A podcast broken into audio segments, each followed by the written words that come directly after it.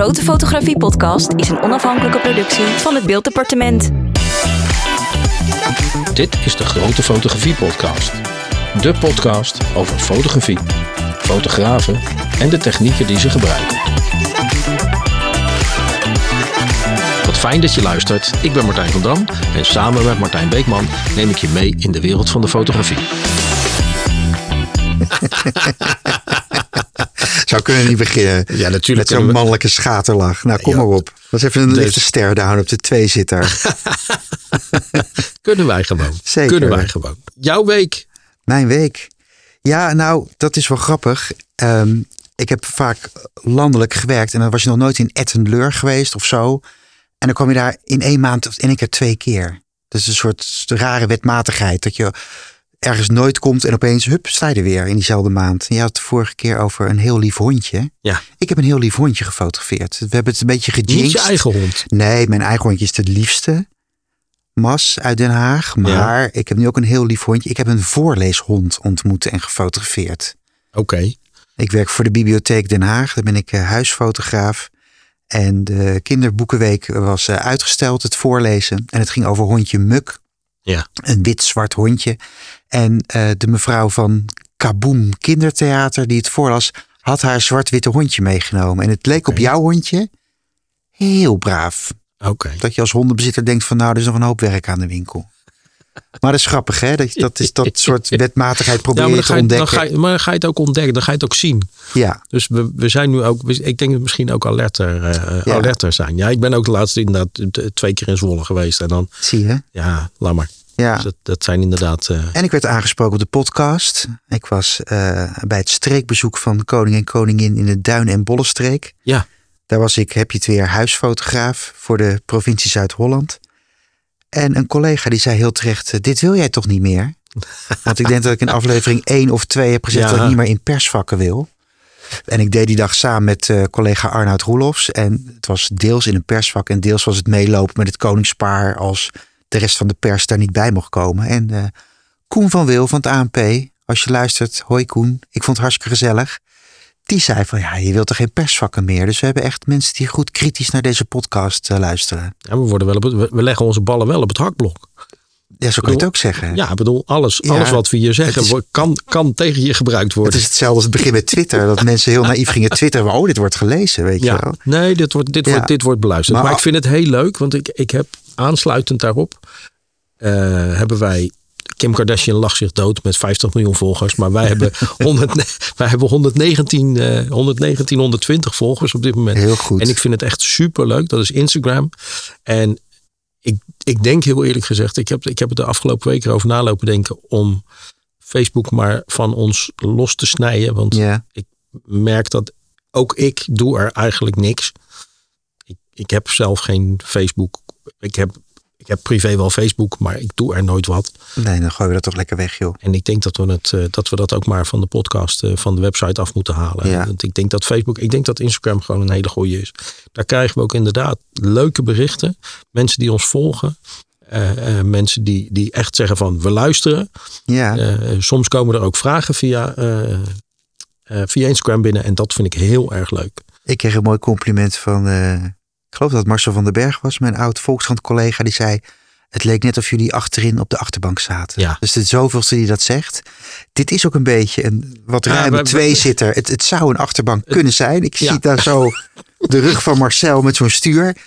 Hij zou ons in kunnen huren als hij weer een dag 500 kilometer moet rijden. Komen wij gezellig op de Kunnen wij achterbank. achterin zitten? Gaan wij achterin zitten. Hoeft hij niks dan- te zeggen. Ja, nou ja, daar is deze podcast natuurlijk gewoon voor. Je kunt Dus ons eigenlijk, inhuren. eigenlijk gewoon wat we zelf wilden.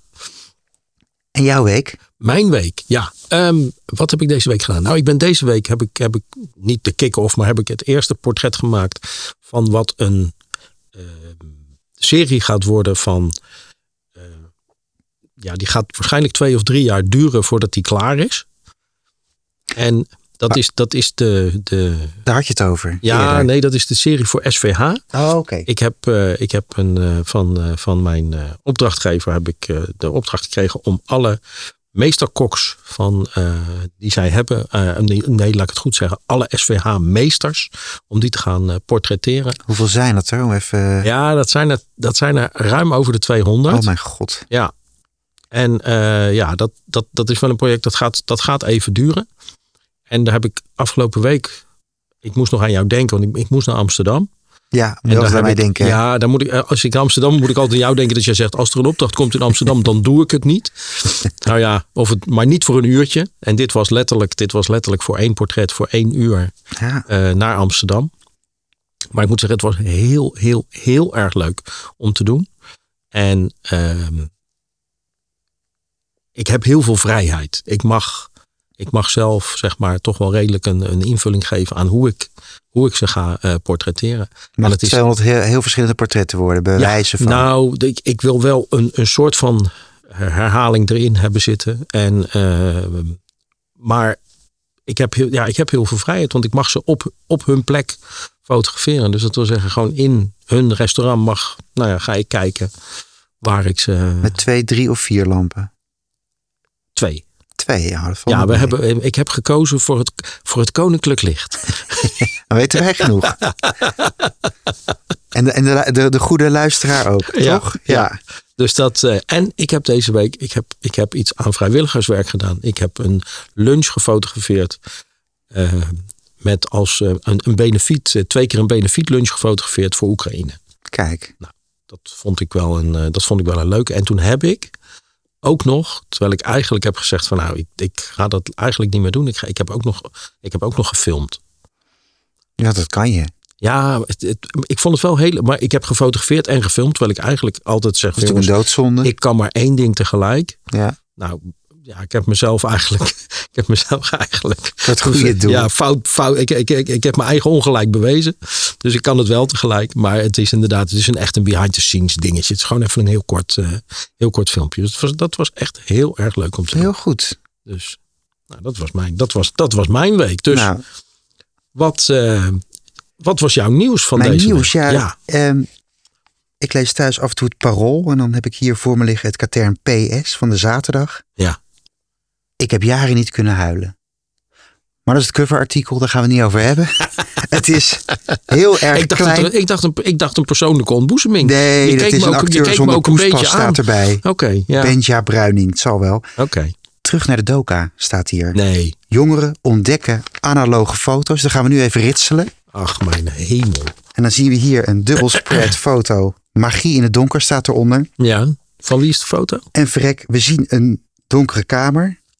Met drie mensen erin. Die, Ja. even kritisch op de foto, met hun blote handen in die bakken zitten te graaien. Dus ik denk, Excuse me. ik denk niet dat hier fixeer en ontwikkelaar in zit. Dat dit Ik zie misschien- een Doerst 805 rechts eh, staan. Ja, het is fantastisch. De foto's zijn gemaakt door Sophie Seddington. Ja. En het staat ook bij het artikel, even ouderwets eh, ritselen. De foto's bij deze reportage zijn analoog geschoten. Sophie Seddington gebruikte een, daar komt hij, Nikon F801S met Kodak 400 en 800 Portra voor kleur, ontwikkeld en gescand bij Fotolab en HPS Ilford voor zwart-wit, ontwikkeld bij Silverhands. Het is fantastisch. Maar HPS, dat is een filmpje, dat ken ik niet. Nee, het is HP5. Ik wou net zeggen. Want ik zie hier een foto van een Doerst M800. Dat was dus M800. goed. Dat was het goede. Oh, ja, ja, ja. ja. Nou, ik, ik, ik, En daar zie ik een accessoire. En ik was vergeten dat ik hem ook had in de doka. Een Ja. scherpstelloop. oh, Om op het papier te leggen en scherp te stellen. En ik dacht meteen aan multigrade. En naar boven kwam ook Amaloco. Oh, jezus. En Ja. nu ga ik... Ja, je gaat nu nog meer Jezus roepen. Er kwamen allemaal soort geheimcodes in me op die Ja. alleen maar zwart-wit fotografen kennen. Ja, FP4, ja. HP5, D76. FP4 gevoeligheid. 125 ASA, HP5 400. gevoeligheid 400, Ja. maar te pushen tot 1600. Precies. Ja, D76 Amaloco ken je hem nog. chemicaliënfabrikant, D76, HC110. D76 en HC110, alle twee Kodak ontwikkelaars. Ik kwam zelf heel nerdy opeens op S10. Ken je die nog? S10, dat is Lijkt een, een dat is aandoening een bij de militaire Nee, maar- keuring. S, S10 is een, is een, eh, een bruintint. eh Het was een stopbad van Een Amaloco. oh, van Amaloco, ja. En die had ook X55 ontwikkelaar. Nou goed, dat kwam allemaal bij me boven. oh, wat borrelen. heerlijk. Maar ik, ik lees even een paar dingen voor, want het is fantastisch. Tik de hashtag filmphotography in op Instagram en je krijgt 33 miljoen berichten te zien. Analoge fotografie maakte, net als vinyl, de afgelopen jaren een serieuze comeback onder met name een jonge klantenkring die de kiekjes van de smartphone beu is. Ze zoeken de magie van de ouderwetse, meer bewuste manier van fotograferen. Niet eindeloos klikken, maar meer aan het toeval overlaten.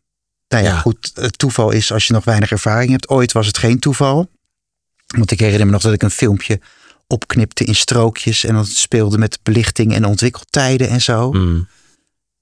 Ik vond het fantastisch, die doka, maar ik mis het nou ook weer niet. Nee, ik mis het voor geen meter. Maar, Maar ik, zei is- altijd, ik zei altijd, jongens, als ik, bij de, als ik bij mijn vaklab kom en er staat beeld op mijn. Ik zie dat ik negatieve heb met beeld. Dan weet ik in ieder geval dat het in zoverre dat het goed is gegaan. Want ik weet dat ik goed gemeten heb, dat ik het goed heb ingesteld. Ja. Als ik geen beeld heb, betekent dat mijn sluiter kapot was. Ja, Dat was, al, dat was mijn grote angst. ja, Mijn grote angst was, sluiterdefect, je hoort wel het geluid, maar hij, doet, hij, hij gaat niet open en dicht. ja. Nou, ik zal heel eerlijk zeggen, ik had heel vaak over een onderbelichte negatief. Ik was niet de grootste technicus Oh ja. in het nee. begin. En nu, de prijzen van rolletjes zijn het afgelopen jaar met 20 tot 25 procent gestegen vanwege sluiting van grote fabrieken en de stijgende vraag. Een rolletje Kodak kost tussen de 13 en 20 euro.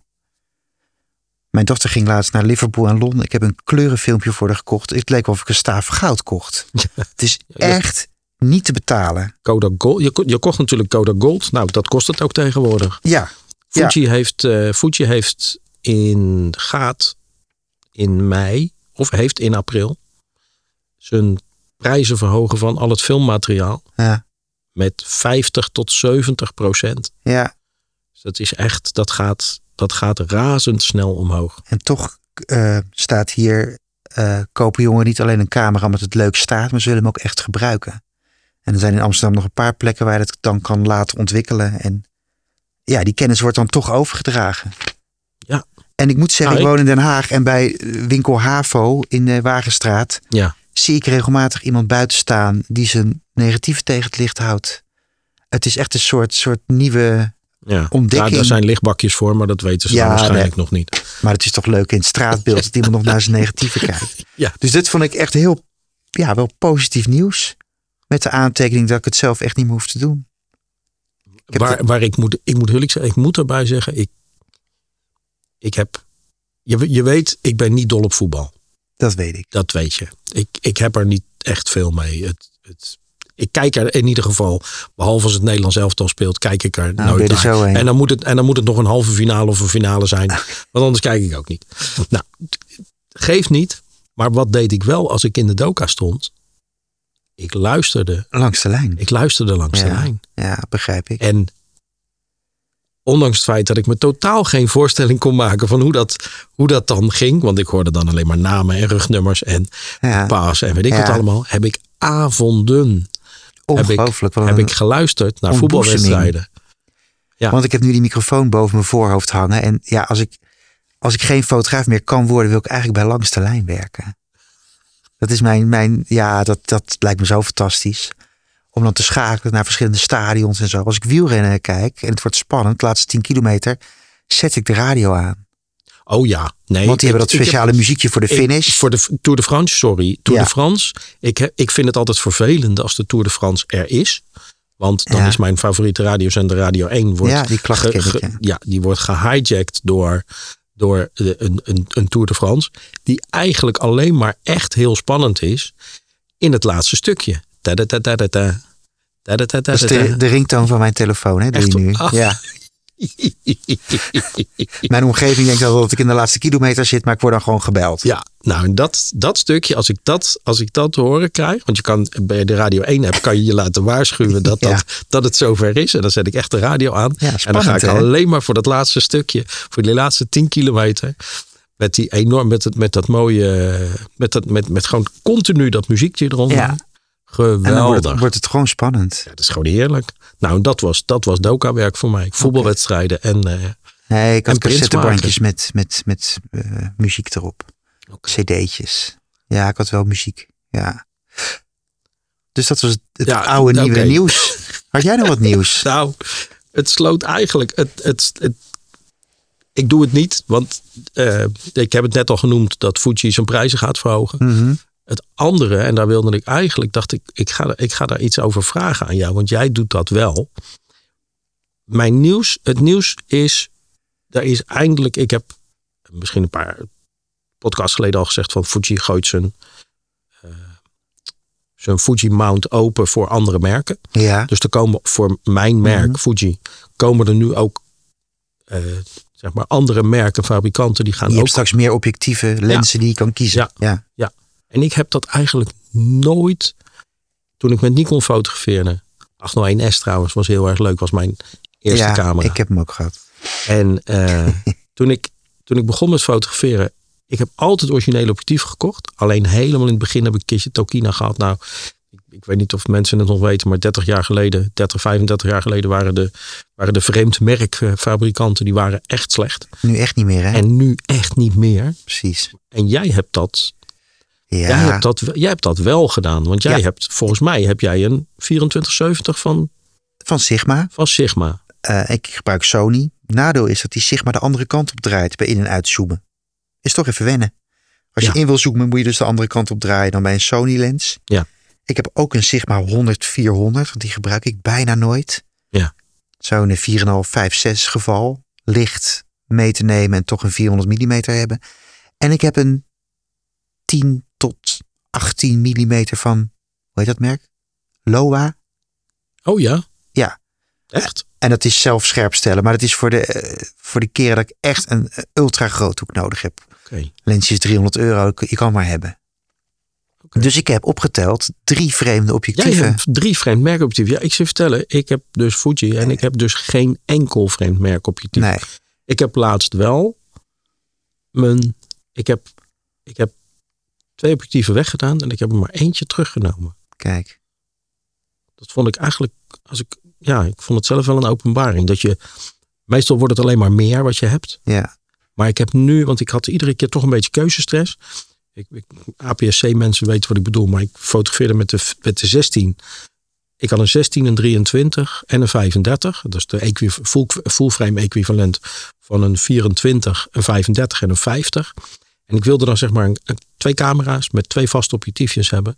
En ik zat altijd te, te ja, het was altijd lastig om te kiezen. Wat moet ik nou? Moet ik nou 16? Moet Ja. ik nou die 24 mm erop zetten? Of moet ik nou die 35 erop zetten? Was, nou, wat ik nu gedaan heb, ik nu een 28.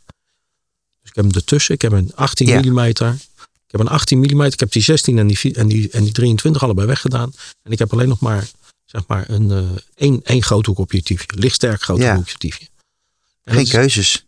Nee, minder keuzes. In der Beschränkung zeigt Sich der Meister. Ja.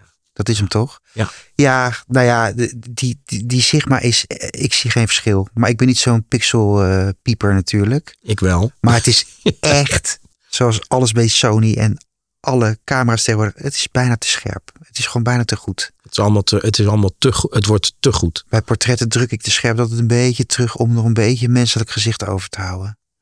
En Sigma is dus veel goedkoper dan die Sony lens. Ja. Nou, dat, maar dat, dat scheelt En dat, dat niveau dat scheelt dat echt. Want dat is het verschil tussen 2000 euro en 1000 euro voor een Sigma. Ja. Dat is, dat is zeg maar het prijsverschil, Ja. toch? Waar we ongeveer over praten. Ja, nou ja, goed. En, en, en je kan de, de pessimistische vraag stellen: zien opdrachtgevers dat wel? Nee, die zien dat niet. Nee, gegarandeerd niet. Ik heb 50 miljoen pixels. Zien ze het als ik 24 heb? Nee. Weet je, het is, het is je eigen grens die je bepaalt. Maar ik leerde van Wim Dimmendaal, mijn autocent op de Kunstacademie in Den Haag.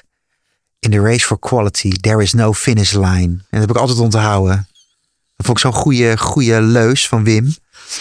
Oké. Ja, we kunnen hem hashtaggen en dan kan hij nu horen dat ik hem nog noem. Oké, nou ik hoorde, ik hoorde laatst van een. Ik, ik word nog wel eens gebeld in verband met eh, eh, mijn, het- mijn GFX-systeem. Van collega-fotografen die dan graag van mij willen weten van hoe is dat dan en is dat mooi en, enzovoort enzovoort. En ik werd door een collega gebeld en die kwam met de quote over toen we het hadden over lichtsterkte, want in middenformaat objectieven ja, zijn er wel lichtsterke objectieven, maar de meeste objectieven zijn toch gewoon 2.8, 4.0. Dat, is, dat zijn hele normale waarden in, in, in middenformaat. En die zei altijd, en, en die kwam met de quote van altijd een stopje diafragmeren voor de rest fouten. Ja, Toen dacht ik, ja, we moeten de, ah, die, die, die, die race van steeds maar meer, eh, steeds maar grotere openingen. En het, kan ook, je- het kan ook te onscherp worden. Ja. Ik heb die eh, portretten die ik afgelopen week heb gemaakt, die heb ik op diafragma 4 gemaakt.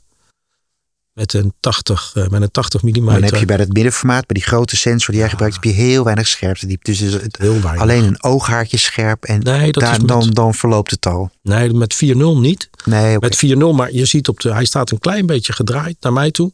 En je ziet dat de schouders die van mij weg zijn, die lopen al de onscherpte in. En dat is precies goed.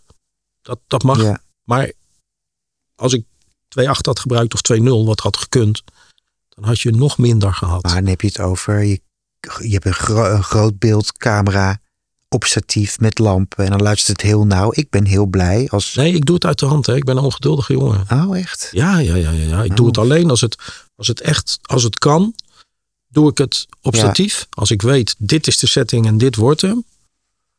Maar het liefst maak ik hem altijd uit de hand. Ah, omdat, ik, omdat ik, als je je statief, je hebt een dingetje, maar als je je statief neerzet, dit is hem. Dan moet ik echt de tijd hebben om te zeggen, oké, kan ik alles bekijken? En, dan, en die tijd heb je vaak niet. Dan denk je, oh, een klein beetje naar links, een klein beetje naar rechts. Want zo, zo iemand staat ook altijd net even op een ander Ja. plekje. Dus die, die, die, die beweegt altijd een beetje. En zegt, ja, ik wil toch zorgen dat dat in de achtergrond, dat dat niet conflicteert met zijn haar of met zijn weet je, dingetjes die net eventjes, Ja. lijnen die net niet goed lopen. En dan kan je, als je om een statief fotografeert, ben je te, dan duurt het te lang. Ja, En ja, mensen zijn, ik ook, ben altijd on- ongeduldig. Dus dan moet het even snel door. En, dan, begrijp ik. en ik vind het ook fijn dat je dan net iedere keer een klein beetje andere foto hebt. Anders heb je iedere keer pap, pap, pap. Ja. dezelfde foto. Maar ik ben juist wel blij met die hele lichtsterke... Ik heb een hele lichtsterke objectieven. Ik heb een 24 mm 1.4. En dat zie je in de fotojournalistiek heel erg terug bij World Press. Dan krijg je dus die groothoekfoto's met waanzinnige onscherptes erin. Dat wordt, ja, het wordt een beetje, een beetje filmisch beeld, zeg maar. Het is ook, je kan heel mooi iemand isoleren terwijl je toch de omgeving ziet. Of, Ja, maar ik vind het nadeel als het te onscherp wordt dat je zegt, oké, met, met telelens. Ik heb dat wel. eh, eh, Canon heeft zo'n hele fraaie. ik vind hem niet heel fraai, maar goed, daar wordt geroemd door iedereen. 8512. Dat is echt zo'n zo'n standaard, eh, bijzonder, bijzonder objectief. dan komt er te veel onscherpte in beeld.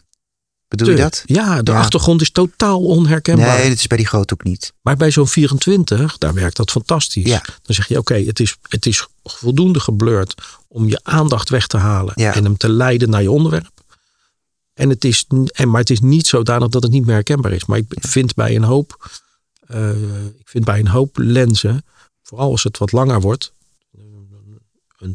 85 of een 135 of een, je een 105, die 100, jij hebt die 135 geen 8, toch? Nee, Nee, nee. maar. Die heeft, eh, Die heeft eh, degene die we gaan Ja, interviewen. die dat is een leuk bruggetje dit. Wie heeft de 3518? Dat is een fotograaf uit Den Haag. Ja. Nee, we Ja. noemen het gewoon. Het is, ik, ik heb een interview gehad. We gaan gewoon het bruggetje maken naar het interview. Het is altijd voor het interview. Zo is het. Eh, ik heb een interview gehad met Bart Maat. En dat was een eh, heel leuk, eh, echt een heel leuk interview. Daar kan ik me alles bij voorstellen. Ja. Hele leuke man. Leuk. Leuke visie ook op wat hij, op wat hij doet. En uit een totaal onverwachte hoek eigenlijk de fotografie binnen, binnengekomen. Ja. een hele andere achtergrond eh, heeft hij. En daardoor ook weer een hele bijzondere kijk. En heeft hij voor zijn, maar heeft hij voor zijn eigen succes ook eh, gezorgd. Dat lijkt me een gouden tip. Ik ben benieuwd. Ga luisteren. Komt-ie. Volg de drie rechte rijstroken om rechtsaf te slaan via de verbindingsweg A12. Goedemorgen. Het is een eh, mistige dag en eh, het zonnetje begint net een beetje door te breken. En ik ben op weg naar Den Haag, naar een eh, fotograaf die eh, zijn sporen wel heeft verdiend. Winnaar van de zilveren camera. Met een zeer spraakmakende foto die eh, grote impact heeft gehad in ons politieke landschap. Ik ben op weg naar eh, ANP-fotograaf Bart Maat om hem eh, te vragen hoe hij die foto heeft gemaakt, wat daar de impact, impact van is geweest en te kijken hoe hij zijn werk doet en waarmee hij dat doet. Ik ben heel benieuwd. De drie rechte rijstroken om rechtsaf te slaan via de verbindingsweg A12 naar Den Haag-Delft.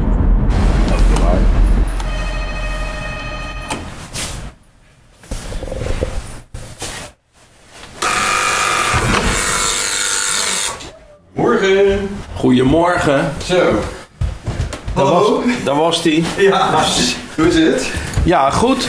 Let niet op de rommel in de schuur. Ach, ja.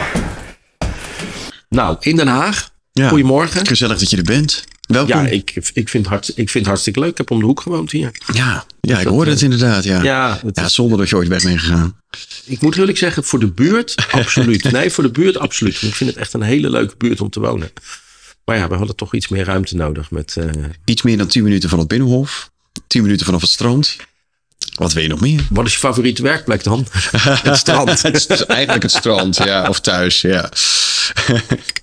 Maar jij werkt niet veel thuis, neem ik aan. Nee, bijna nooit. Nee, ik heb ja, nou wel als ik eh, commerciële opdrachten heb, dan neem ik mijn werk mee naar huis en dan maak ik het daar af en dan bereid ik het daarvoor. En eh, eh, als ik een, eh, een portretidee in mijn hoofd heb, dan moeten mijn kinderen even model staan. Eh, Oh, serieus? Ja, ja, ja, ja.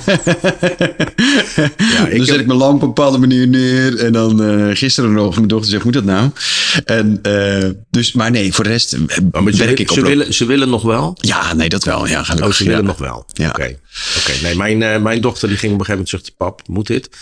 Nee, ja, dan moet je ze omkopen. Hè? Ja, dan moet je er iets voor teruggeven. Ja. nou ja, ze krijgen gewoon hele, hele goede foto's. Dat is waar. Ja, dat interesseert ze misschien niet bedoel, dat zoveel. ja, nou, dat, dat, vinden ze later leuk. Als dat, vinden, ze la- dat vinden ze later denk ik inderdaad wel leuk. Dus, maar hoe ben je in Den Haag terechtgekomen dan? Oh joh, ik eh, eh, ben opgegroeid in Zeeland.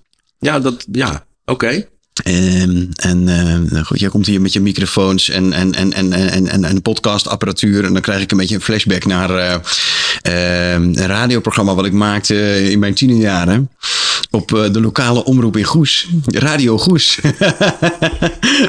dat was fantastisch. Ja. Toen heette het nog geen podcast. Toen werd het gewoon heel lokaal uitgezonden. Toen, werd het, toen, heette het, toen heette het gewoon een radio. Toen heette het gewoon een Toen radio. heette het ouderwets nog een gewoon een, radioprogramma. radio- ja. gewoon, gewoon, gewoon een radioprogramma, ja. Ja. Nee, tegenwoordig heet het heel fancy, heet het een podcast. Ja. Dus voor alle jongeren die dan, die dan in één keer denken van... oh, nou is het wel leuk. Ja, precies. Ja, ja. ja, en hoe ben ik in Den Haag terechtgekomen? Door, eh, door studie ben ik in Den Haag terechtgekomen. En ehm, het heeft wel Want even... waar, waar heb je gezeten? eh, aan de Haagse Hogeschool. Kijk, het, het heeft wel even geduurd voordat ik mijn draai kon vinden in, in wat ik wilde doen. eh, toen ik zo begin 20, eh, eind eh, tiener, begin 20 was. Oké. En, eh, en op een gegeven moment is dat, vond ik, dat geheimzinnige doosje waar die mooie beelden uitkwamen. En toen ben ik gaan fotograferen. Want dat was niet direct? Dat was Nee, niet dat- direct. nou ja, toen ik klein was, eerlijk gezegd wel. Toen fotografeerde ik best veel. Toen kreeg ik van mijn moeder kreeg ik, eh, haar oude camera. Een Agfa klak of een Agfa klik. Ja, klak. Ja, een klak. Ja, Ja. een klak. Ehm, en, ehm, en, en, en daar fotografeerde ik best veel mee. En dan ging ik gewoon de straat op en dan ging ik eh, de wijk fotograferen. En, eh, en dat vond ik fantastisch. Dat was, dat, was nog een, dat was nog een intensieve bezigheid die, die tijd. Want het was, het was volgens mij, van klak zijn 6 bij 6 eh zeker, ja, ja, 6 ja, bij nee, 6 absoluut. filmpjes. Dus dat was ook niet, was niet heel goedkoop. Dat was niet heel goedkoop en ik kon het ook niet heel erg veel doen. Nee. Eh, maar ik was er wel door gefascineerd. Dat ik daar die foto's maakte en naar de winkel ging. En, en, en, en, en dan had je ineens die beelden. eh en, dan kwam, je. er- en dan kwam er ineens kwam er een beeld terug. Maar zelf Doka ook of niet? Nou, dat heb ik later wel gedaan, ja. ja maar niet eh, toen ik klein was nog. Nee. Later ehm, heb ik een jaar in Parijs gewoond. En, en toen heb ik fotograferen echt helemaal ontdekt. Toen kocht ik een oude spiegelreflexcamera op de rommelmarkt. Oké. En ja, na mijn, na mijn werk eh, ging ik dus de straten van Parijs op. En, eh, en ging ik de stad fotograferen. Oké, dat, is wel, dat, is wel, dat is wel natuurlijk een heel uitnodigend onderdeel. Dat was hartstikke leuk. Ja, dat vond ik echt fantastisch. Ja. En, en, op dat, en dat is eigenlijk eh, het moment dat ik dacht van ja, dat is fantastisch dat het überhaupt bestaat. Gewoon zo'n camera. En eh, je stopt er een mooie zwart-wit film in. En je gaat de straat op. En, eh, en je komt terug met allemaal, eh, allemaal mooie beelden. Kijk, ja, ik weet niet hoe het er toen uitzag hoor. Ik moet er nog eens goed naar terugkijken. maar ik was wel geïnspireerd door Cartier-Bresson. En zo'n romantische ouderwetse straatfotografie uit Parijs. Ik vond het fantastisch. En, en, en dat is wel hoe ik, hoe ik fotograferen ontdekt heb, zeg maar, in mijn, in mijn eh, twintige jaren. Ja. Oké, en toen dacht je ook onmiddellijk van, nou, daar, Moet ik wat mee? Of Vrij je snel. toen, of ja, je nee, toen vrij heel snel wel. Ja, nee, vrij snel wel. Want ik, ik, ik, ik eh, werkte toen bij een uitgever. Ik had een soort commerciële baan. En eh, toen, toen dacht ik wel, ja, dit is het. Dit, dit, dit, dit, dit hoefde ik niet bij na te denken om... Meteen eh, ben ik een fotografieopleiding gaan doen aan de fotovakschool. En Eh, ik was in Den Haag, in Rotterdam. in Rotterdam. Ja. Oké. En toen ben ik eigenlijk, was ik alleen maar bezig met Was dat, fotografie. was dat de oude, wat ik mij herinner, de oude fotovakschool die ooit in Apeldoorn heeft gezeten? Of is dat... Ja, en die zit, die, zit, die zit nu nog steeds op, op heel veel plekken in, eh, in Nederland. Ja. Ja. ik heb laatst een keertje voor iemand inderdaad gekeken. Ze zit op vier plekken inderdaad Ja. in, eh, in Nederland. Ik, ik kan het me alleen herinneren als eh, wat ze toen heel erg eufemistisch noemden afstandsonderwijs. ja. Wat dus gewoon zeg maar gewoon schriftelijk was. Nee, maar dit, is geen, dit was gewoon Nee, nee, nee, dat locatie klopt. hoor. Met Nee, dat studio's echt- erbij en, ja. en, en docenten. En, eh, ehm, dus ja, nee, daar heb ik wel veel aan gehad op zich aan die, eh, aan die opleiding. Maar ja, het komt er natuurlijk gewoon op neer. Want er zijn heel veel mensen die een fotografieopleiding doen. En ehm, vervolgens niet in de fotografie terechtkomen, zeg maar. Dus het gaat er nog wel om dat Ja. je daar zelf mee bezig bent. En ik was daar eigenlijk wel dag en nacht mee bezig.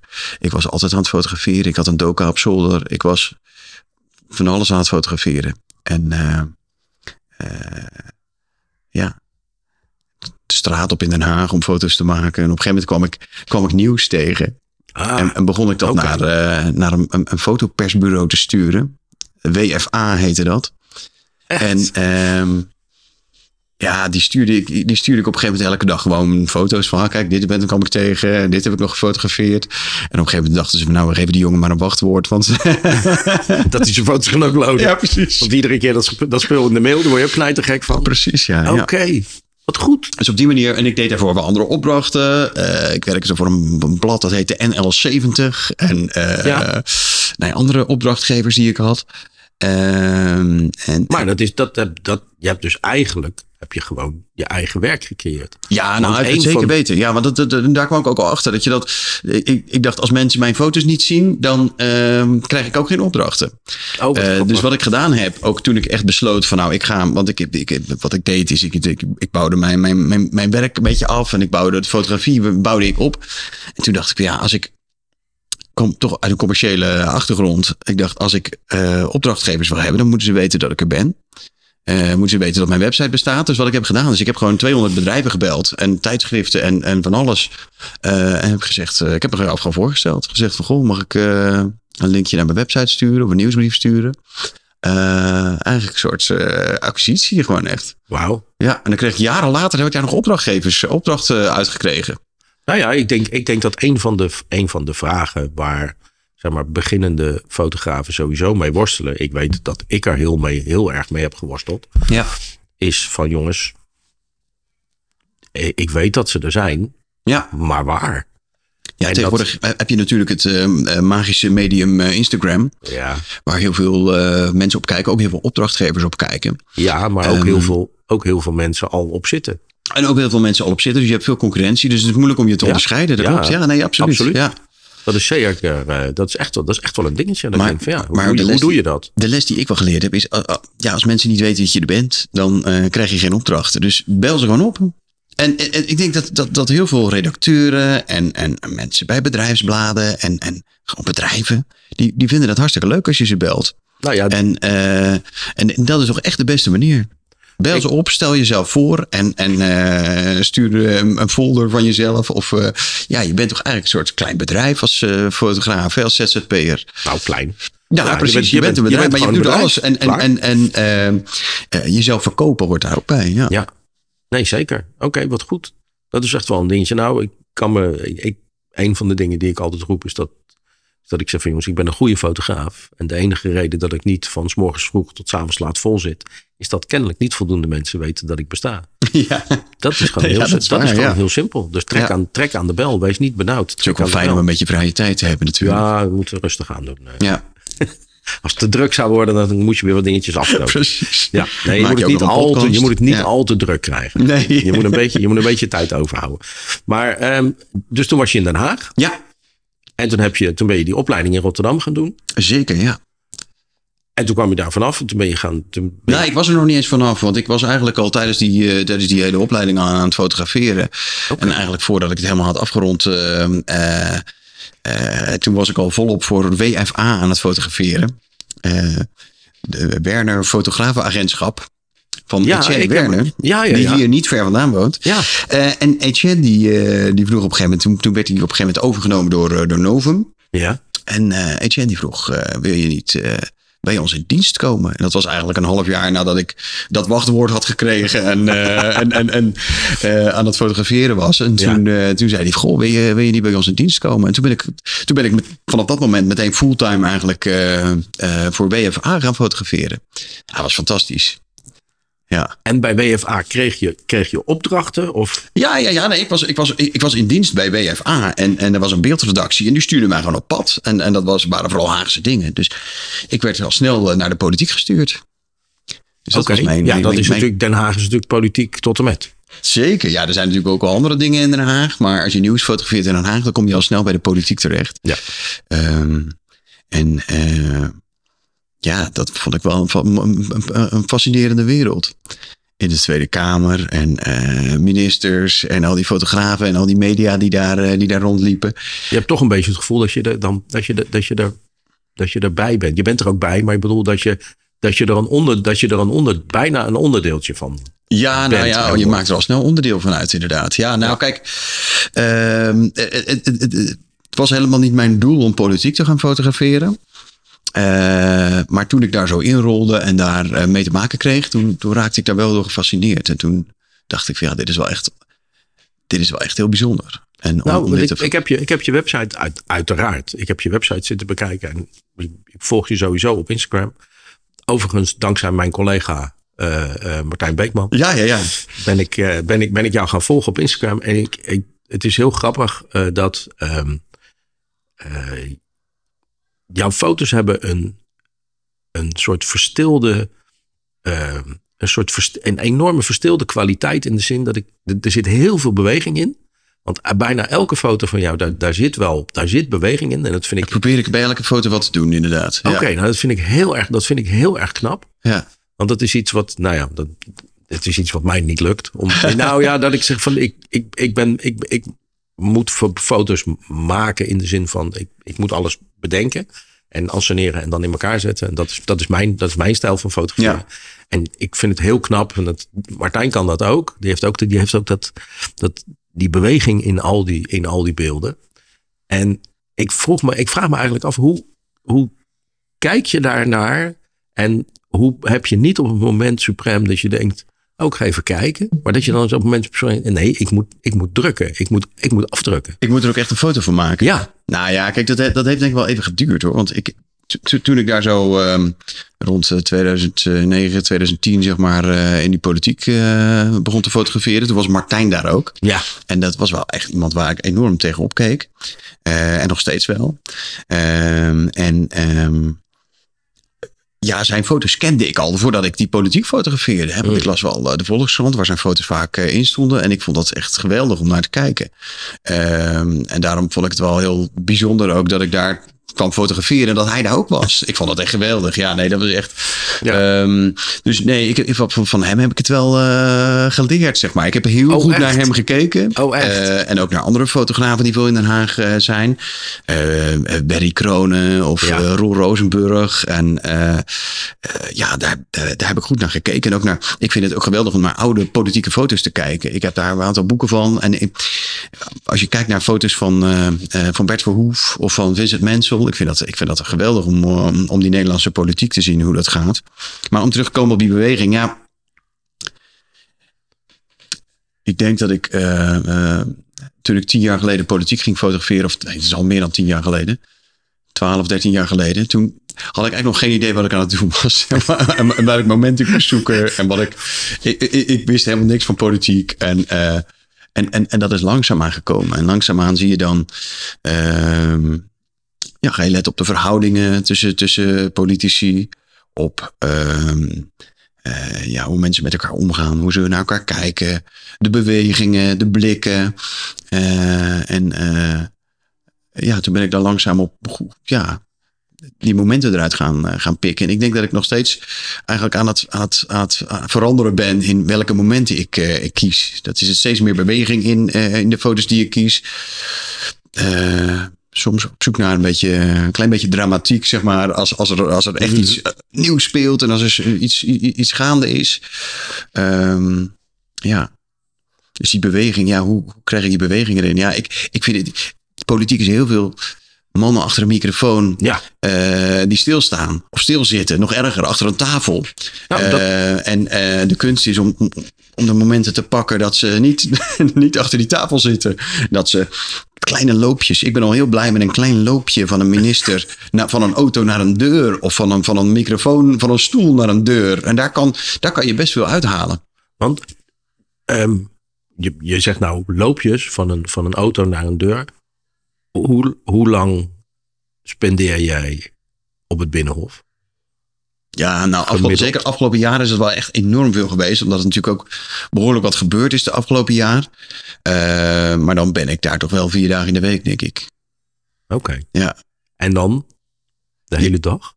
Nou, dat ligt er een beetje aan. Eh, soms dan, eh, dan is er gewoon niet zoveel. En dan, eh, dan, dan, dan- ja, dan, dan valt het heel erg mee. Maar met zo'n formatie, ja.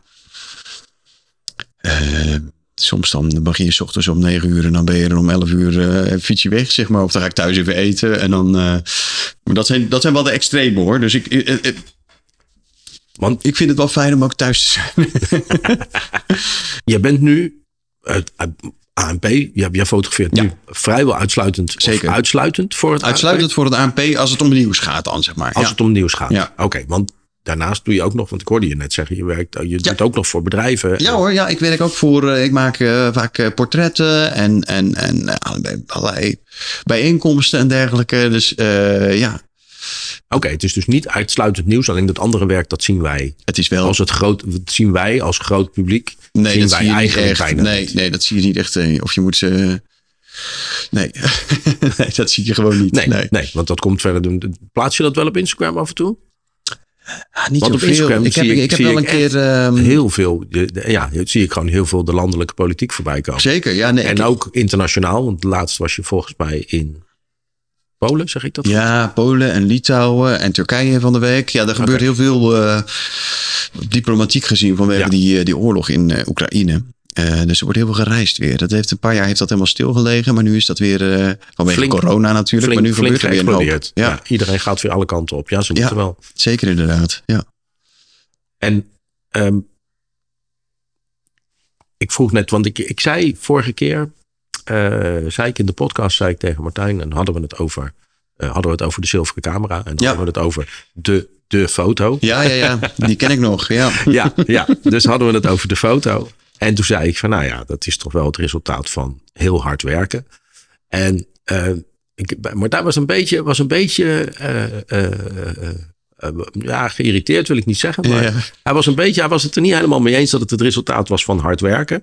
En ik, ik, ik heb daar lang over gedaan. Ik heb het hem nog niet kunnen vragen, maar ik denk dat hij bedoelde ehm, dat iedereen, tussen aanhalingstekens, met hard werken dat resultaat zou kunnen bereiken. Dat was niet wat ik bedoelde. Ja. Ik bedoelde, je moet talent hebben, je moet kunnen fotograferen. En dan is het een combinatie van gewoon, of gewoon, tussen aanhalingstekens gewoon. Maar dan is het ook het resultaat van gewoon er zijn.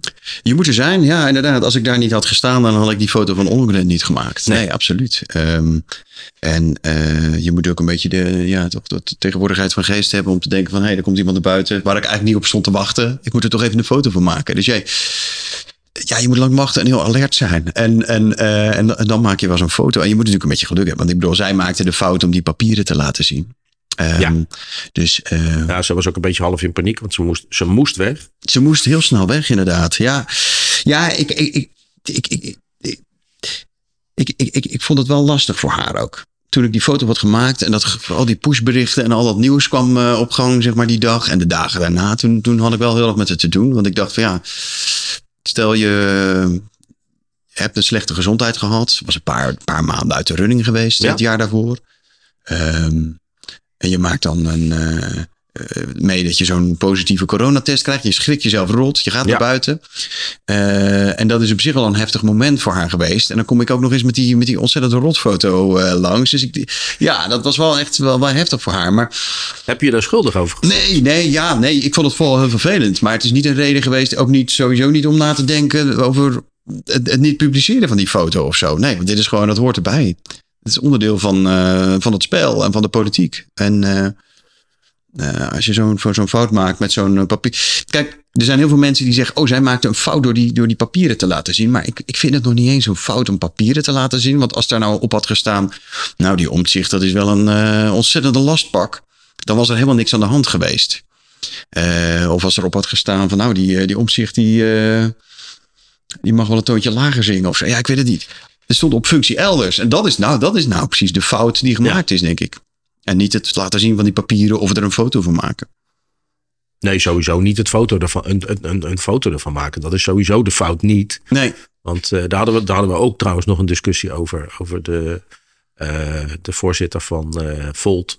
Die gefotografeerd werd Oh ja. door het raam. Ja, daar was ik ook bij. Ja. Ja, ja. Ja, En die, kan je dat doen? Nou, kan je dat? echt, nou ja, daar, daar reageerde, ja, eh, hoe heet ze, van... eh Sylvana Simons ja, had daar Simons, die had, daar, eh, die had er inderdaad wat commentaar op. Ja, Waar wij inderdaad samen ook de discussie over hadden van ja, kan dat? Ik zei ja, weet je, dit, ja, dan moet je de gordijnen dicht doen. nou kijk. Als je niet ehm, wil dat je gezien ehm, wordt, dan moet je zorgen dat mensen je niet kunnen zien. Ja, er was crisis in, in, in de partij Volt. Hè, vanwege Ja. die mevrouw Gundogan. En die, Ja. die, die, die, die had allerlei grensoverschrijdende dingen gedaan. eh, die niet door de beugel konden. En toen was er echt crisis in die partij. En ik vind als er een crisis is in, in een politieke partij. En ik, ik ben toch van mening, politiek is van ons allemaal. Eh, en daar worden bes- beslissingen genomen die heel belangrijk zijn. Die mensen die vertegenwoordigen een groot deel van ons. Eh, dat is niet een soort besloten bijeenkomst. Eh, en ik vind dat je dan best ver kan gaan. En niet op een gewone normale dag. dat iemand gewoon aan het werk is en er is niks aan de hand. Maar als er echt zo'n crisis is, dan, ja, dan vind ik dat je daar best een stapje verder mag gaan dan. Eh, dan bij ehm, eh, ge- gewoon eh, iemand, iemand die hier in de straat woont, bij wijze van spreken. Ja, Ja. het is toch best een publiek beroep, politicus zijn. ja, ja, zeker. Eh, Ervaar jij dat het, dat het moeilijker wordt voor fotojournalisten om, om hun werk te doen? Kan ik me voorstellen dat als je, in de, als je in de Tweede Kamer en de omgeving van de Tweede Kamer en in de ministeries, daar zal je geen last ervaren. Je bent geen straatnieuwsfotograaf in de zin van ik, ik, zie een, eh, als er een demonstratie in Den Haag is, dan kan ik me voorstellen dat je daar naartoe gaat. Maar je gaat ze, Zeker. niet, op, je gaat ze niet opzoeken. De Nou ja, demonstraties. vaak wel hoor. Vaak Toch wel? Ja, nee. het- Maar ook als het buiten Den Haag. eh, Ook, ja, nou kijk, ik, ik fotografeer voor het ANP ook wel dingen buiten Den Haag. Het laatste jaar was het heel veel Den Haag. ja. Maar eh, ja, nee, het liefst eh, sturen ze mij naar Groningen of naar Maastricht of, of ergens anders heen. Dat vind ik ook heel fijn. Ja. Maar ehm, ja, om terug te komen, is het lastiger geworden om te fotograferen? Ik hoor dat wel in vergelijking met de jaren 90 of de jaren 80 dat er een verschil is. Eh, maar ik merk nog altijd dat je wel met creativiteit en gewoon proberen dat je, dat je er wel ver komt. En dat je ook nog steeds kan fotograferen wat er echt eh, aan de hand is, aan de gang is. Ik heb met, met collega's, eh, gingen wij tijdens de formatie op zoek naar, naar allerlei plekjes. Eh, om, om stiekem, eh, nou niet stiekem, want we zaten, we zaten daar gewoon eh, zichtbaar, de tuin in te fotograferen bij, bij, bij het, ehm, eh, het logement. Daar was de formatie om toch iets te laten zien. Want zo'n formatie is een enorm gesloten proces. Ja, deze, deze keer wel, ja. En dat is denk ik wel de. Nou, dat is het altijd wel. Dat, Ja. dat is ook wel de frustratie van een politiek fotograaf. Dat je heel graag wil fotograferen eh, op de plekken waar de beslissingen worden genomen en waar het gebeurt. ja. Maar dat lukt eigenlijk nooit. Dus die formatie, ja, dat, daar dan gaat het gordijn dicht. Eh, eh, op maandagochtend bij het coalitieoverleg, dat was dan vooral in de vorige kabinetten. Ja, daar is nog nooit iemand bij geweest om een foto te maken. Eh, en, en dat waren toch de plekken, en ook bij de ministerraad bijvoorbeeld. En dat zijn de plekken waar eh, mensen met de vuist op tafel slaan. En, en waar de beslissingen worden genomen. En, en dat zie je eigenlijk nooit. En dat is natuurlijk heel erg jammer. Maar om toch een beetje in de buurt te komen daarvan, ga je op zoek naar eh, momenten dat politici niet in de gaten hebben dat ze gefotografeerd worden. En dat is bijvoorbeeld in de tuin van een katshuis of dat is in de tuin van het logement. En, en op een gegeven moment had ik een plekje gevonden op het dak. En er was een hele aardige mevrouw die gaf mij zelfs een ladder om op haar dakje te klimmen. En ik belde aan, ze vond het allemaal fantastisch. Ik kreeg een kopje koffie zelfs. Ehm, en dat plekje kon ik niet heel lang voor mezelf houden. Dat duurde ongeveer een kwartier. Toen kwamen Eh, anderen en erachter. toen kwamen de anderen er ook. Ja, er stond er ook Ja. een NOS-cameraman. En, eh, en dat is wel een, eh, ja, een, een, een plek dat je even die, een kijkje achter de schermen kan krijgen van de politiek. En, en dat is denk ik wel mijn doel, om dat, om dat te laten zien. Ja. Als je, als je kijkt naar, eh, want je zegt ik wil, ik wil een kijkje geven. Heb je, je, je, heb je nooit uh, uh, gêne dat je zegt van dit kan ik niet laten zien? Of hier, ja, dat, hier kijk, je kan me heel veel, heel veel uh, situaties voorstellen die je, die, die, je niet, uh, die je niet laat zien. Als bijvoorbeeld op die, op die papieren van Ollongren, als daar een privéadres had gestaan of een privételefoonnummer of iets anders privés, ja, dan hadden we die foto waarschijnlijk niet gebruikt. Had je hem dan niet gebruikt of had je dan gezegd we blurren het? Dat is niet echt aan mij. Dat is meer aan de hoofdredactie om daar een beslissing over te nemen. Uh, maar ik kan me voorstellen, ja, je wil. En net als een huis van, van, van politici. Het privéleven van politici, dat, dat, daar is voor mij echt de grens. Kijk, het werk wat ze doen, het politieke werk, dat is iets wat ons allemaal aangaat. Ja. privéleven niet. Dus ik, ik zal nooit in de bosjes uh, liggen bij een huis van een politicus. Nee, absoluut niet. Nee, dat is, dat is verschrikkelijk. um, maar ja, zolang het gaat over. Uh, uh, over de politiek en over dingen die ons allemaal raken, beslissingen die ons allemaal raken, dan, ja, dan laat ik dat graag zien. En ik merk ook dat als ik aan het einde van de werkdag denk, ik zie een foto en ik zie ze meteen op internet bij wijze van spreken of in de krant. Um, en uh, dan denk ik, als ik die beslissing niet had genomen om daar naartoe te gaan, of om op dat plekje te gaan staan, of om dit daarheen te gaan, dan hadden mensen het nooit gezien. Um, en uh, ja, dan is mijn doel wel bereikt. Voel je jezelf ook, um, want je bent, je bent fotograaf, maar ben je, voel je jezelf journalist? Ja, ik, voel, ik, ik ben meer, ja, nee, zeker. Ja, ja, nee, ik voel mezelf meer journalist dan een kunstenaar of een kunstfotograaf of zo. Nee, ik ben wel echt een journalist, ja. Ja, en, dat, en dat, nou, er is heel veel discussie over um, wat, wat de taak is van de journalistiek tegenwoordig. Ja. En uh, is de journalistiek bevoorde, bevooroordeeld? En laat je je eigen mening nog doorschemeren in, in, je, in, in, de, in de fotografie, in de, in de onderwerpen die je kiest? Nou, of is het voornamelijk, dat kan ook, is het voornamelijk het ANP die zegt zo, joh, je moet daar naartoe, je moet daar naartoe. Nou, ik, nee, ik, ik, ik, ik, ik uh, bepaal wel echt helemaal zelf wat ik fotografeer. Maar dat moet natuurlijk wel uh, relevant zijn. En dat moeten wel foto's zijn die alle ja, opdrachtgevers of alle, alle abonnees uh, willen gebruiken. Zeg maar. Alle media zijn erbij aangesloten. Dus ik, ik, ik, probeer wel een, een gevarieerd beeld te laten zien van alles wat ik fotografeer. En niet te focussen op één onderdeel of op één politicus. Nee, dat doe ik echt helemaal nooit. Uh, het is wel zo dat je soms wel eens bij een een debat of bij een, een, een, een moeilijke dag voor iemand, dat je dan een insteek kiest. En uh, dat is hetzelfde als een artikel in de krant. Maar uh, nee, ik denk, ja, je, je, je zou nooit aan een foto mijn politieke voorkeur kunnen zien. Nee, absoluut niet. Ik fotografeer iedereen en ik ben er, kijk, dat, en dat is wat sommige politici zich niet helemaal realiseren. Ik ben er in goede en in slechte tijden. Dus als iemand uh, de grootste partij wordt of wint uh, ja. of, of, of, succesvol is, dan ben ik erbij. En als er een crisis in de partij is en uh, het is een hele moeilijke dag, dan ben ik er ook bij.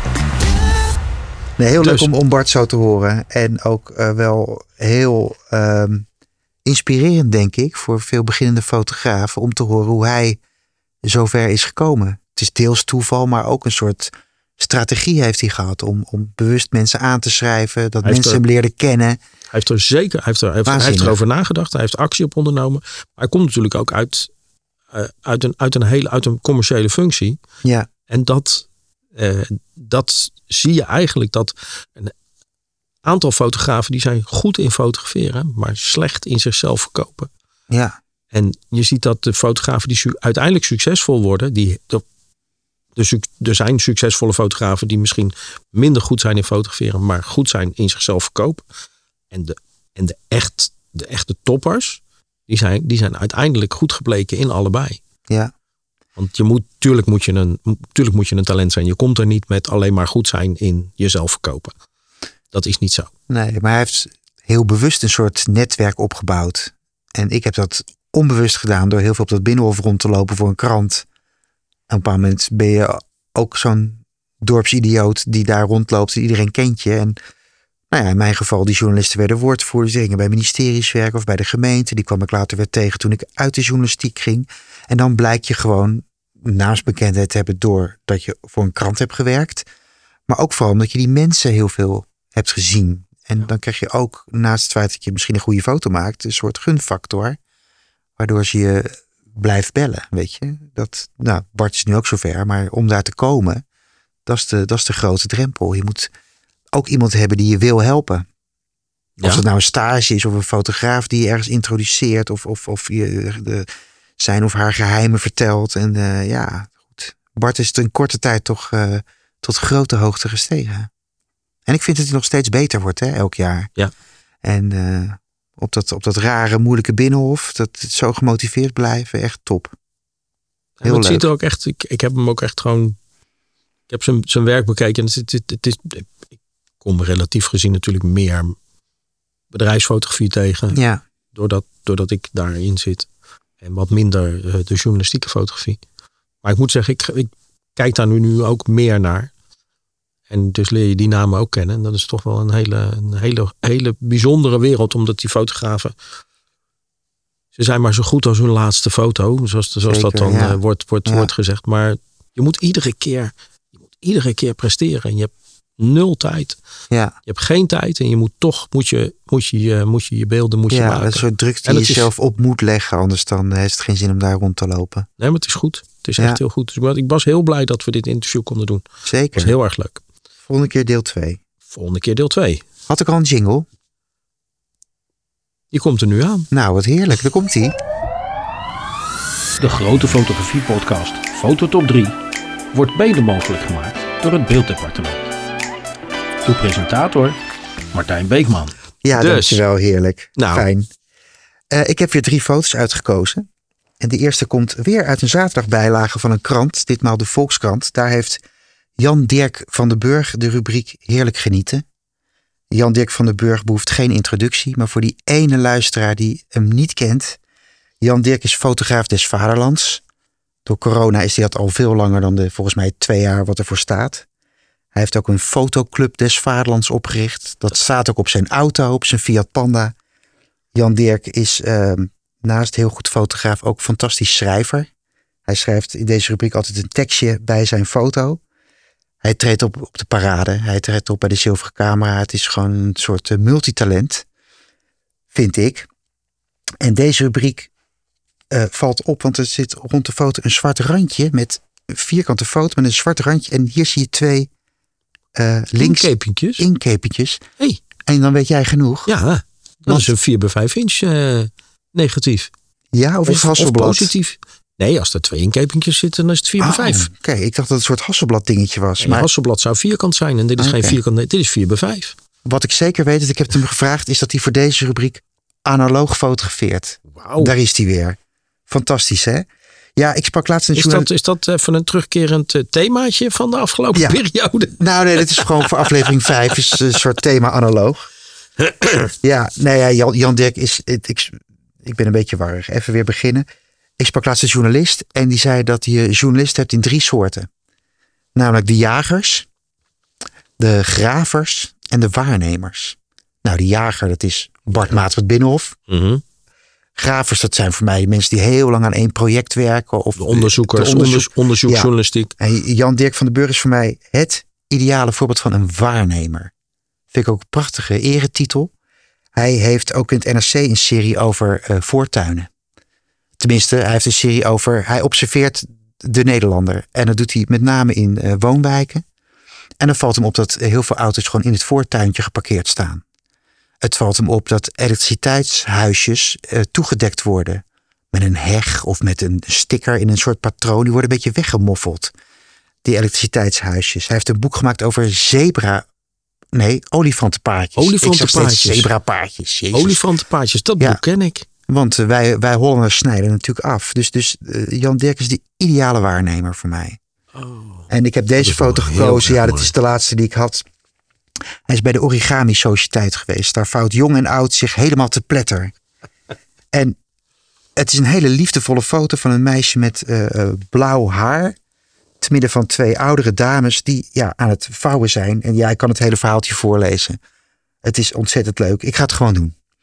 Op de jaarlijkse vouwdag van de Origami Sociëteit Nederland is Tessel halverwege het tweede model van de workshop. De meeste van de 27 origamisten hadden zich naar eigen zeggen te pletter gevouwen in de coronatijd, maar Tessel niet. Ik werk bij de GGZ in de ambulante zorg en daar was het juist heel druk. Maar vandaag is er alle tijd voor de Japanse vouwkunst. Al is deze dag voor al het jaarlijkse uitje met oma, de voormalig vouwdocent Berber Zagema van 81, die rechts flink doorwerkt. Quote, vanaf mijn zevende doe ik dit al met mijn oma. Toen was het rondjes vouwen en dan had je de schubben van een zeebermin. Dat werd al snel gecompliceerder, want in de wereld van de bergvouw en de dalvouw kan een model ook veel weg hebben van een puzzel. Ik kijk ook veel op YouTube, daar zitten veel jongere origamisten en het is duidelijker als je iemand het ziet doen. Inmiddels heeft Tessel thuis een enorme voorraad zelfgemaakte kaarten die seizoensgebonden verstuurt. Oma heeft zo'n waanzinnige voorraad papier, mijn kasten zitten er vol mee. Met Valentijnsdag krijgt mijn volledige vriendengroep een kaart. En zo heeft Jan Dirk elke zaterdag in de Volkskrant iemand met een hobby. En het is liefdevol eh, geschreven, liefdevol gefotografeerd. En eigenlijk krijg je een heel mooi beeld van wat Nederland doet in de vrije tijd. Heerlijke foto. En ik heb het al eerder gezegd, eh, binnenkort wordt het tijd voor een nieuwe fotograaf des Vaderlands. Ik ben tegen. Jan-Dirk van den Burg moet fotograaf des Vaderlands voor het leven worden. Bij deze pleidooi. Ik heb geen idee welke commissie een nieuwe fotograaf des Vaderlands moet kiezen. Maar deze man is niet op zijn plek, laat hem blijven. Foto 2 heb ik gevonden is van Frank Jansen. Frank Jansen fotografeert al meer dan 30 jaar voor de Haagse Courant. Dat heet tegenwoordig Algemeen Dagblad, Haagse Courant. Uh, en ik kwam hem van de week tegen bij de gemeenteraad, perikelen in de gemeenteraad. En hij zei tegen mij, Geert Wilders was vanmiddag op de kermis. Nou, dat was hij zeker. Ik zie hem uh, hier staan. Uh, Wilders heeft lang haar, bijna een Haags matje in de nek, een zonnebril op en hij heeft in zijn handen een enorme beer.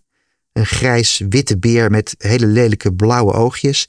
En die beer houdt een heel groot paars hart vast. En op de achtergrond zie ik iets van plush par. Misschien plush paradise of zo. Rechts in beeld zie je nog een bewaker. Uh, de foto is ja, wel uh, vlot genomen, een beetje scheef. Misschien door het gedrang. Hij is geflitst. Wat de uh, foto ook zo bijzonder maakt, is het onderschrift wat Frank erbij schreef. Vond ik zo prachtig. Geert Wilders bezoekt de Haagse kermis op het Malieveld. Met schieten wint hij een knuffel. Dat is toch bijna poëzie, of niet, Martijn? het, is bijna, het is bijna een haiku. Met schieten wint hij een knuffel. Dat is, ik vind het zo fantastisch. Het heeft Frank gewoon in de haast opgeschreven om de redactie te informeren. Maar voor het bijschrift alleen al is deze nominatie. En deze nominatie is ook voor Frank, omdat hij al meer dan 30 jaar voor de Haagse krant werkt en voor niemand anders wil werken. Hij ambieert totaal geen landelijke carrière voor een grotere krant. Hij zegt: Ik ken Den Haag elke stoeptegel en ik vind het heerlijk in mijn eigen stad. Hulde voor de stadsfotograaf. Dan heb ik nog een foto, een derde. En die is gemaakt in Doetinchem tijdens de tv-opname van The Passion. Ik zie jou even. Ja, ik moet je even op je, ik, met ik je hoofd op in mijn laptopscherm. laptopschermpje kijken. Ja, deze foto is van Sam van der Wal, een van de uh, ANP-fotografen in vaste dienst. Terwijl ik mijn Siri even wegklik, want dat kunnen we natuurlijk helemaal niet hebben. Uh, Sam had de opdracht om de Passion te fotograferen, die live tv-uitzending. En bij het ANP heet dat dan een Kippa-opdracht. Kippa is een oud bureau Ja. en die fotografeerde altijd in die tv-studio's. Ja. Als je nu, ik heb lang voor het, ik heb vier jaar voor het ANP gewerkt, niet lang. En je had een Kippa-klus, dan moet je dus gewoon de cast fotograferen van een toneelstuk. Portretten maken van acteurs bij een perspresentatie. Bij tv-opnames een foto maken. Dit is ook een Kippa-klus. Het wordt als het een beetje gezien als, als corvée. ANP-fotograaf willen het nieuws doen. Die willen de voorpagina halen. En Kippa is toch een beetje bekende Nederlanders op de rode loper. Ja. Maar Niet, Sam, niet, niet waar iedereen heel erg warm voor loopt. nee, maar Sam heeft inderdaad de foto's gemaakt van de tv-registratie. Dan fotografeert hij eigenlijk een beetje wat je op tv had gezien. Maar hier zie ik inwoners van Doetinchem op een dak. Het is een, een, een kleurenfoto, maar je ziet, eh, het is een liggende foto. 2 staat op 3 formaat en die foto wordt halverwege schuin afgesneden door een wit dak. Daarbovenop zitten mensen, daaronder staan mensen. Ik heb ook andere foto's uit deze serie gezien. Hieronder zie je een paar dakpannen. Daaronder kijken mensen uit hun zolderraam. Dus het is echt hoog. En deze mensen die kijken allemaal zo ongelooflijk blij. Alsof Jezus echt is opgestaan, zeg maar. Het is een soort bijbels tafereel geworden. Terwijl het alleen maar publiek is in Doetinchem. Ik vind het fenomenaal. Het is heel hard licht van de zijkant. Je ziet op die witte muur ook nog schaduwen. En iedereen, ja, ik weet niet wat er gebeurt. Ik ben benieuwd. Sam, als je luistert, vertel me wat hier gebeurt. Want mensen zijn aan het juichen alsof de plaatselijke club de graafschap promoveert. Maar dan gaan we het weer over voetbal hebben. Dat zullen we niet doen. Ja, het is een magistrale foto. Eigenlijk gemaakt tijdens een soort corvée-opdracht. En als je dan nog dit maakt, word je gewoon de winnaar van deze week. Bepaal ik nu ook maar meteen. Want hier ben ik het eh, enthousiast over, het meest enthousiast over aan het vertellen. Eh, Jan Dirk van de Burg en Frank Jansen zijn al ook meteen een soort oeuvre-nominaties. Dat is breder Ja, dan die ene foto. Ja. En Sam is een jonge vent van 24, denk ik. Ik hoop dat ik hem niet beledig. En die heeft nog honderdduizend jaar te gaan. Dus dit is een van de vele mooie foto's. En als hij ooit 80 wordt en een overzichtsboek maakt, dan mag deze foto erin. Dus Sam wordt genomineerd. Heel goed. Sam wordt genomineerd. We houden, Zeker. het, eh, we houden het bij Sam. Ik moet zeggen dat ik, eh, dat ik erg onder de indruk eh, ben van het, van het portret. Deze. ja, Ja. En ja, het is dit, dit, dat portret van Jan Dirk bedoel je? Ja. Ja, dat is, dit is heel liefdevol gefotografeerd. Alsof Jan Dirk zelf ook een origamist is. ik vind het verhaal erbij, vind ik, ik vind het verhaal erbij, vind ik, vind ik prachtig. Ja, En ik moet zeggen dat ik de foto qua uitvoering ook gewoon, gewoon heel erg sterk vind. Is het gewoon een flitsje via het plafond. Het is heel egaal verlicht. Ik, ik weet het niet. Ik, het lijkt wel of er een lichtstraat aan staat, of er een lichtstraat in dat gebouw zit. ja, Ik denk dat ze gewoon ook heel goed licht nodig hebben om een om beetje te vouwen. om te vouwen. Want de dames, behalve de dame in het midden, de dames zijn op leeftijd. Ja, Dus dan wordt het zicht allemaal wat, eh, dan wordt het zicht allemaal wat minder. en op de achtergrond zie je nog een, een soort schilderijtje van een wolkenlucht. Dus het blauw van de haar komt ook weer terug. Ik, ik, maar ook gewoon compositorisch. Ik vind, ik vind het geweldig. Ik zie alleen een pritstift. Mag er bij origami gelijmd worden? Dat is meteen een vraag die ik dan stel. Maar dan moeten we een origami podcast beginnen. Dat gaan we niet doen. Ori- origamist. Dan moeten we een echte origamist moeten we Ja. hier. eh, ben je origamist en luister je? Geef antwoord op deze vraag. Mag je prit gebruiken bij, bij origami? Ja, bij Waardenbergen, Waardenbergen de jongens de scheldwoord, hè? Pritstift. Ken je die? De behangscène? Ja, ik wel. Heeft hij een assistent. Nou ja, goed. Ja. Laten we het daar niet over hebben. Ik kan over praten. daar- daar gaan we, die, die, die kant gaan we niet Sam op. van der Wal is de winnaar van deze aflevering. Helemaal goed. Dan komen we vanzelf komen we bij de vragen. De vraag, ja, ik kreeg, ik kreeg wat vragen over mijn NAS nog. Oh ja, dat is inderdaad dat een hele goeie. Want dat is, geïnstalleerd. Het is eigenlijk mijn eigen vraag. nou, nee, maar dat is wel een hele goeie. Want ik denk dat, dat we daar wel eventjes ruimte voor mogen maken. Want ik denk dat dat een probleem is waar iedere fotograaf uiteindelijk op een gegeven moment mee te maken krijgt. En dat klopt, want ik zit op Facebook op een, eh, in een groep dat heet Beeld Professionals, echt waar. En er wordt binnenkort een avondje georganiseerd voor uitleg over de NAS. Oké. De, de, de niet-fotografen gaan nu afhaken. Nee, maakt niet uit. Het gaat erom Maakt dat een uit. fotograaf altijd vecht tegen de vergankelijkheid. Je wil je foto's bewaren. Hoe bewaar je foto's? Dat kan in de cloud. Ik heb een kastje met een paar schijven. En dan is het zo ingericht dat er één of twee van die schijven kapot kunnen gaan. Ja. Dat heet een DAS, want die is niet gekoppeld aan een netwerk. Nee. Als je hem koppelt aan een netwerk, heet het een NAS. Ja. En mijn NAS heet MAS, want zo heet mijn hond. En nou wordt het helemaal ingewikkeld. Nou ja, ik, Het ik is heb een jou. Ik heb beestenwerk. Ik heb alles gekopieerd. Ik heb nu zes schijven in een rij. En al mijn privéfoto's staan op. En al mijn professionele raw en bewerkte foto's vanaf 2000 geloof ik. Nou, dat vind ik heel knap. Het ik, past er allemaal je- op. Het is ongelooflijk. Ik zou je vertellen dat ik heb je, ik heb je al jaren lopen pushen van koop nou gewoon een. Doe die, drobo, doe die rare drobo weg. En, eh, Drobo is een merk. Heel ja. mooi. eh, doe die drobo kastje. weg en, eh, en, koop een, en koop een Synology NAS. Dat zijn de, de meest... be- ik, ga, ik, ik ga hier waarschijnlijk ook weer wat, wat commentaar op krijgen. Maar ik dat vind, is het, leuk. ik vind het de meest betrouwbare NAS'en die er zijn. En de consensus is daar ook wel een beetje op. En uit, uit, uit eigen ervaring kan ik zeggen, ik heb nu... eh, ik heb nu eindelijk ik heb een paar nieuwe staan. Maar daarvoor heb ik denk misschien wel een jaartje of zeven, acht met twee nassen gedaan.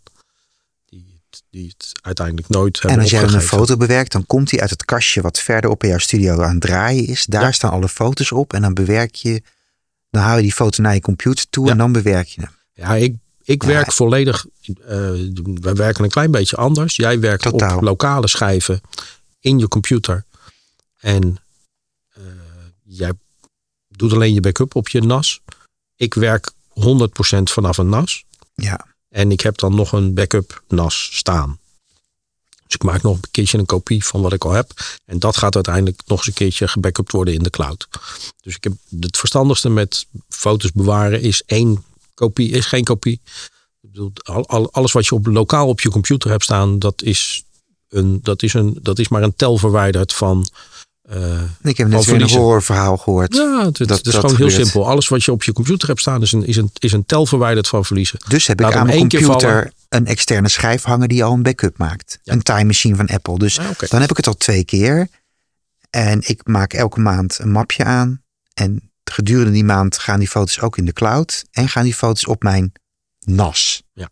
Die ik gebruik als een DAS. Maar dat maakt niet uit. Ze gaan, op die, ze gaan in dat kastje met schijven. En dan is dat een extra zekerheid. En bij mij is het zo dat ik werk volledig. Er staat niets op mijn computer.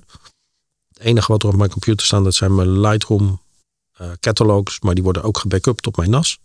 Dus ik heb mijn Lightroom catalogs, die staan op mijn computer. Maar voor de rest staat er eigenlijk niets wat niet weg mag Maar dan heb jij niet één kastje waar je foto's op staan. Dat gaat ook meteen in de cloud. Nee, ik heb mijn, mijn hoofdnas, om het dan maar zo te noemen, mijn eerste opslag. Daar, eh, daar werk ik volledig van af. Alles gaat, wordt daarop opgeslagen. Eh, dat wordt direct, wordt dat ook gebackupt in de cloud. Die hoofdnas die maakt s'nachts één backup op mijn backup NAS. En die backup NAS wordt ook nog eens een keertje volledig gebackupt in de cloud. Ja, dat is echt zoals het moet. Ik doe dat net niet helemaal goed. Ik heb één fysieke backup. Dat is die kast die ik heb. En dan heb ik alles in de cloud. Nee, want jou, jouw- jouw hoofdopslag is in feite op jouw, eh, op jouw, op jouw, op jouw werkschijven. Ja. Maar als jij het verplaatst hebt naar je backup, is het dan ook weg van je werkschijven? Ja. Oké, ja, dat doe Dus ik, dat doe ik Ik heb dus gedurende een maand alles op mijn eh, Mac Mini computer. Dat wordt gebackupt met een time machine. Dus dan heb ik Mhm. alles al dubbel. En ik heb mezelf aangeleerd om eigenlijk ja, om de dag alles in de cloud te gooien. Ik heb bij Photoshelter een account voor mijn website. En daaraan zit een onbeperkte opslag. Dus Ja. al mijn privéfoto's, al mijn rolls. Die, het is 20 terabyte of zo. Dat zit allemaal in de cloud. Duurt even te uploaden. Ja. Duurt even een paar weken. Maar ja, dan kan je wel andere dingen doen. En eh, ja, ik heb nu dus die, die NAS geïnstalleerd. En ik, ik heb wel twee fouten gemaakt. Namelijk, ik ben begonnen met vier schijven van 16 terabyte. Want ik denk, nou moet het goed. Dus die oude schijven die ik nog had, eentje van 14, eentje van 10, die kunnen daar niet bij. Want als je schijven bijprikt, dan moet, het groter zijn dan je Even groot of groter. even de- groot of groter dan je grootste schijf. Dus Ja. ik heb wel wat ehm, geld weggegooid in die zin. En ik had later bedacht, ja, ik kan er meteen wel twee schijven bij prikken. Dan ben je dus drie dagen bezig om die NAS te laten rekenen hoe die al die foto's voor vier schijven op zes schijven krijgt. Ja. Duurt drie dagen. Ja, maar ik heb je ook gezegd, Is laat je, een, laat je nieuwe NAS met al je nieuwe schijven, laat die nou gewoon even een paar maanden aanstaan. Niet uitzetten, aanstaan.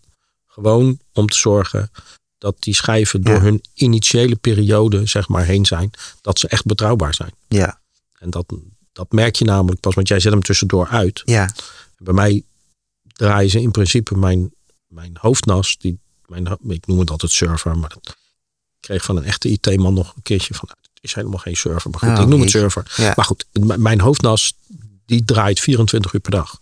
ja, En mijn backup NAS, die gaat alleen s'nachts aan. Want dan maakt hij een backup en daarna kan die uit. Want die hoeft dus niet permanent aan te staan. Maar bij mij is, mijn, mijn dochter heeft daar ook een stukje opslag. ja. Op een apart stukje ja top. afgeschermd van mijn, van mijn Ja. stukje. Maar die heeft daar ook een stukje opslag. Om te zorgen, want ik heb, mijn kinderen leer ik het ook.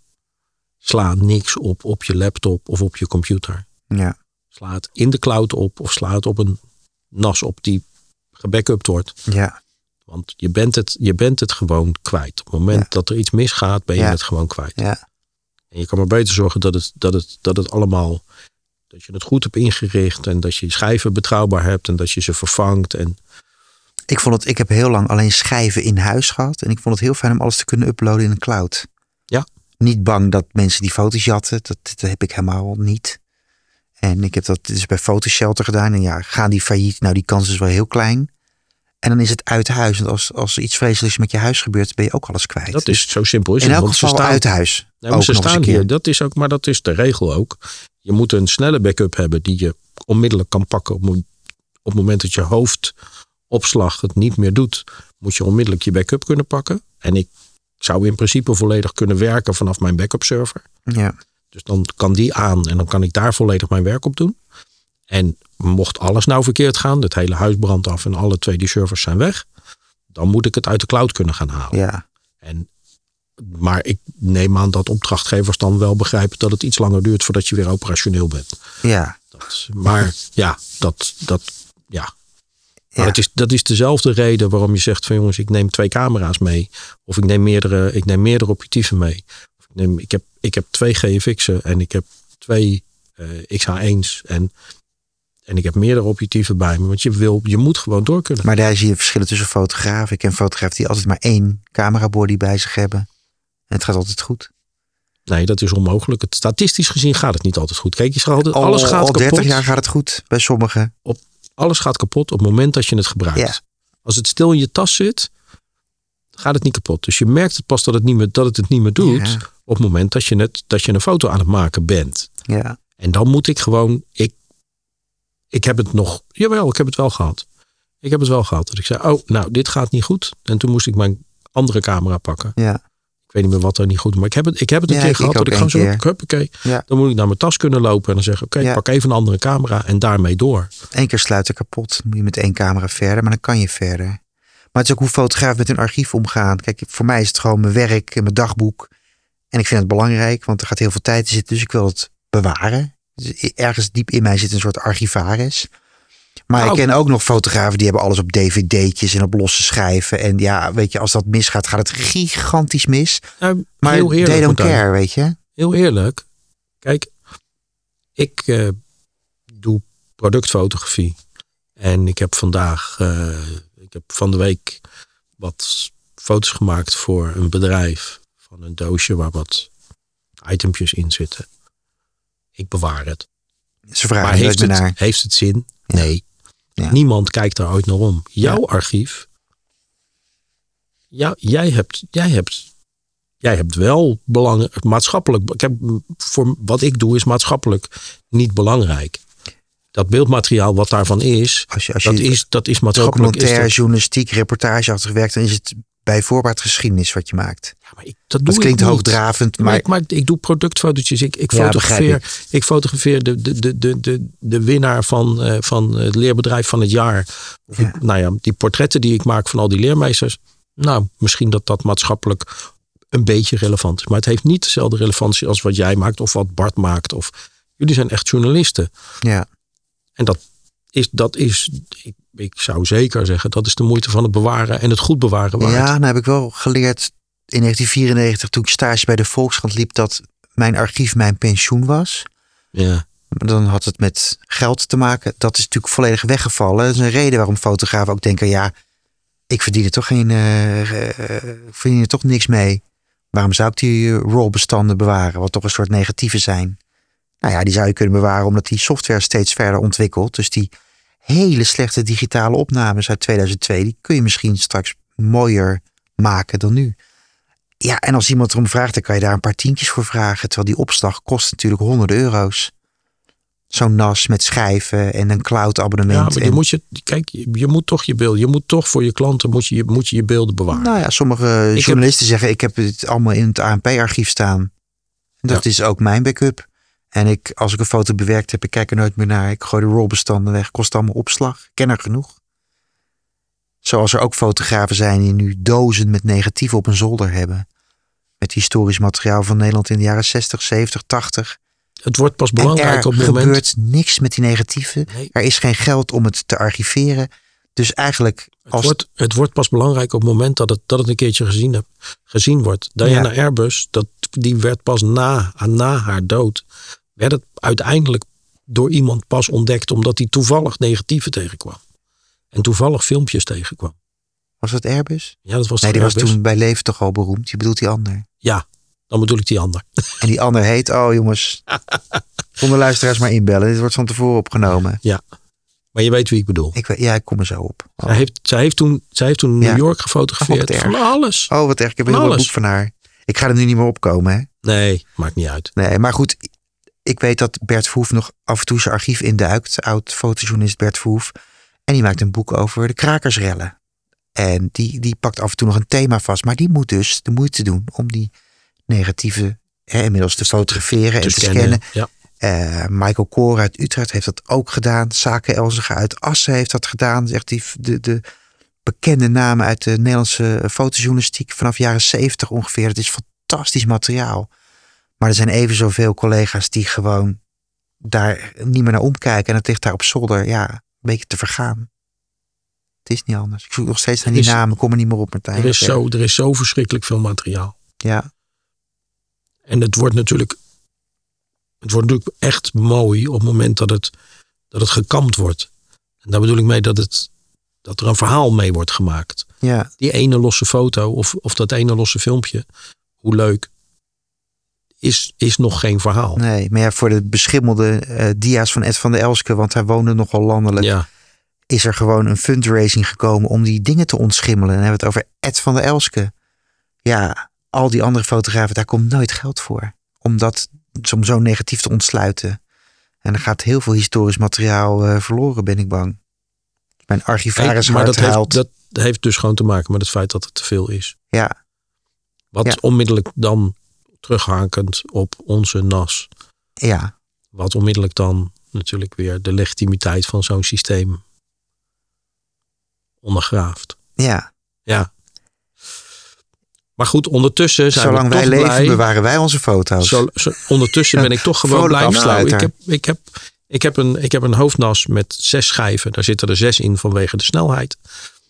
Hoe, hoe meer erin zitten, hoe, hoe sneller die wordt. En aangezien ik het als hoofdopslag gebruik, ik haal gewoon mijn bestanden daarvan af. Ik, ik werk ook met een Dat is 10, perfect. 10 gigabit verbinding en niet met een gigabit verbinding. Ja, Waardoor het sneller is. En dat, dat werkt fantastisch. En ja, bedoel, daar, daar heb ik nog zoveel ruimte in om te groeien. Want daar zitten nu eh